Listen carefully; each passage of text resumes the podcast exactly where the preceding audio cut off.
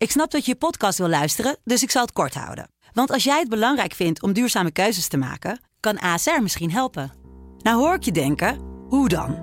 Nou, bijvoorbeeld bij het duurzaam herstellen van schade. Of de premies die we beleggen volgens ons duurzaam beleggingsbeleid. Dat bepaalt waar we wel en juist niet in investeren.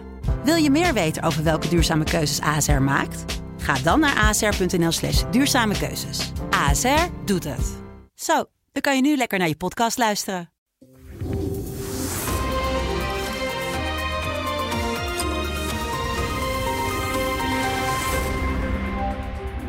Welkom uit gesprek met Paul Jansen, de hoofdredacteur van de Telegraaf, waarmee we wekelijks doornemen wat hem bezighoudt in het nieuws.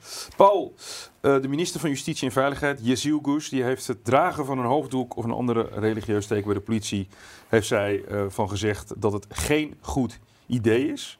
Uh, is daarmee een einde gekomen aan deze discussie voorlopig? Nou, was, was het maar waar zou je haast denken. Nee, dat...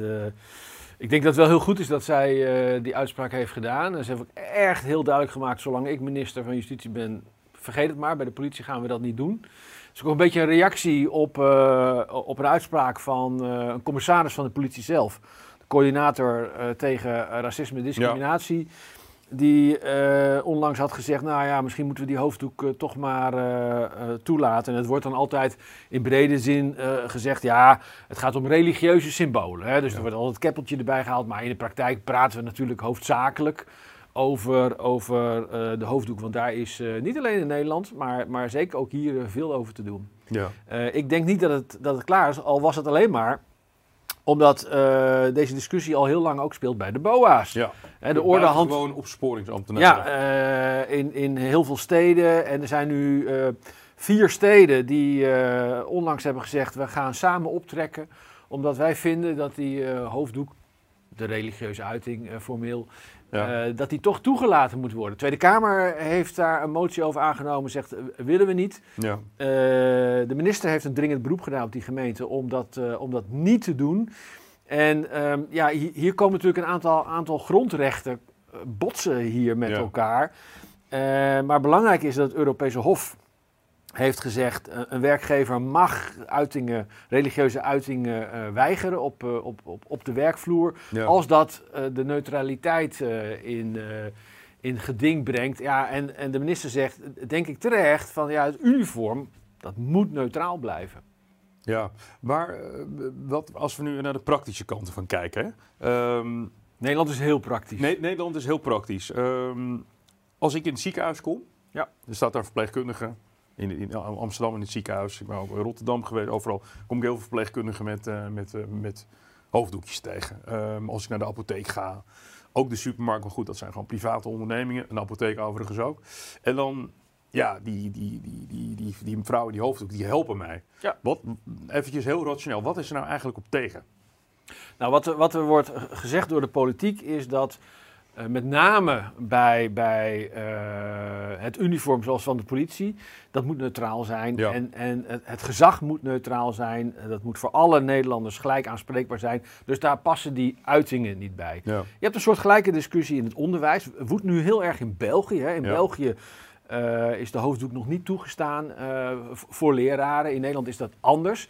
In Nederland heb je wel voor bijzonder onderwijs weer, weer uitzonderingen. Daar, daar zijn ook zaken over, over geweest. Maar daar mag het, als het gemotiveerd is, uh, mag bijzonder onderwijs wel die, die restrictie opleggen. We hebben verder in algemene zin hebben we natuurlijk uh, het verbod op gezichtsbedekkende kleding. Ja, dat ja. geldt dan ook voor integraal helpen, bivakmutsen. Maar ja, dat gaat natuurlijk eigenlijk natuurlijk weer gewoon weer om die boerka. Ja. Hè, waarvan dan de Amsterdamse burgemeester uh, na die invoering van die wet zei, ja, ga ik niet handhaven.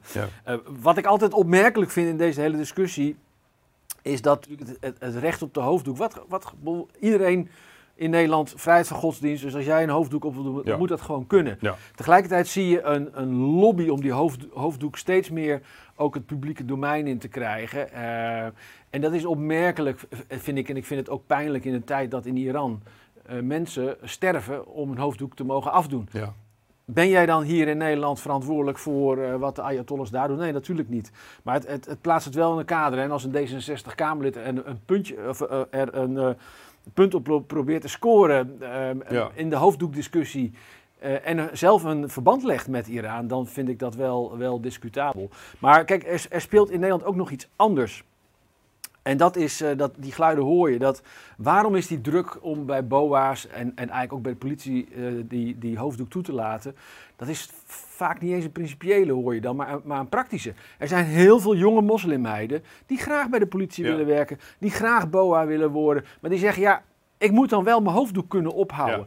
En nou is nu is de regel, nee, dat mag niet. En dus zie je bij grote tekorten bij politie en, en, en, en dus ook bij de ordehandhaver, dat ze die vacatures niet kunnen invullen, invullen. Omdat de mensen die zeggen, ja, ik wil wel, zeggen, ja, maar zonder hoofddoek kom ik niet. Nee. En, en eh, het, het, de echte discussie is, is, is nu, wat mij betreft, hoe pragmatisch blijf je en waar zeg je, trek je een principiële grens? Ja. En ga, ga, je nu zeggen van ja, maar weet je, uit pragmatisme is het toch beter dat die jonge moslimmeiden uh, met hoofddoek wel meedoen als BOA en bij de politie.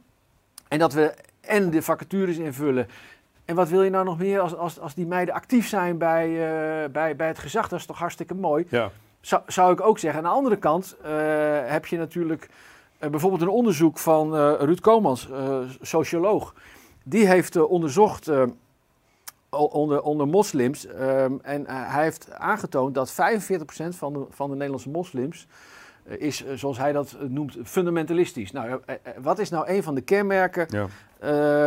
van, van die groep? Is dat regels van het geloof staan boven de wetten van het land. Ja. Kijk, en daar begint natuurlijk het probleem. En dat, dat, dat schuurt met elkaar. En je ziet dat heel veel landen ermee worstelen.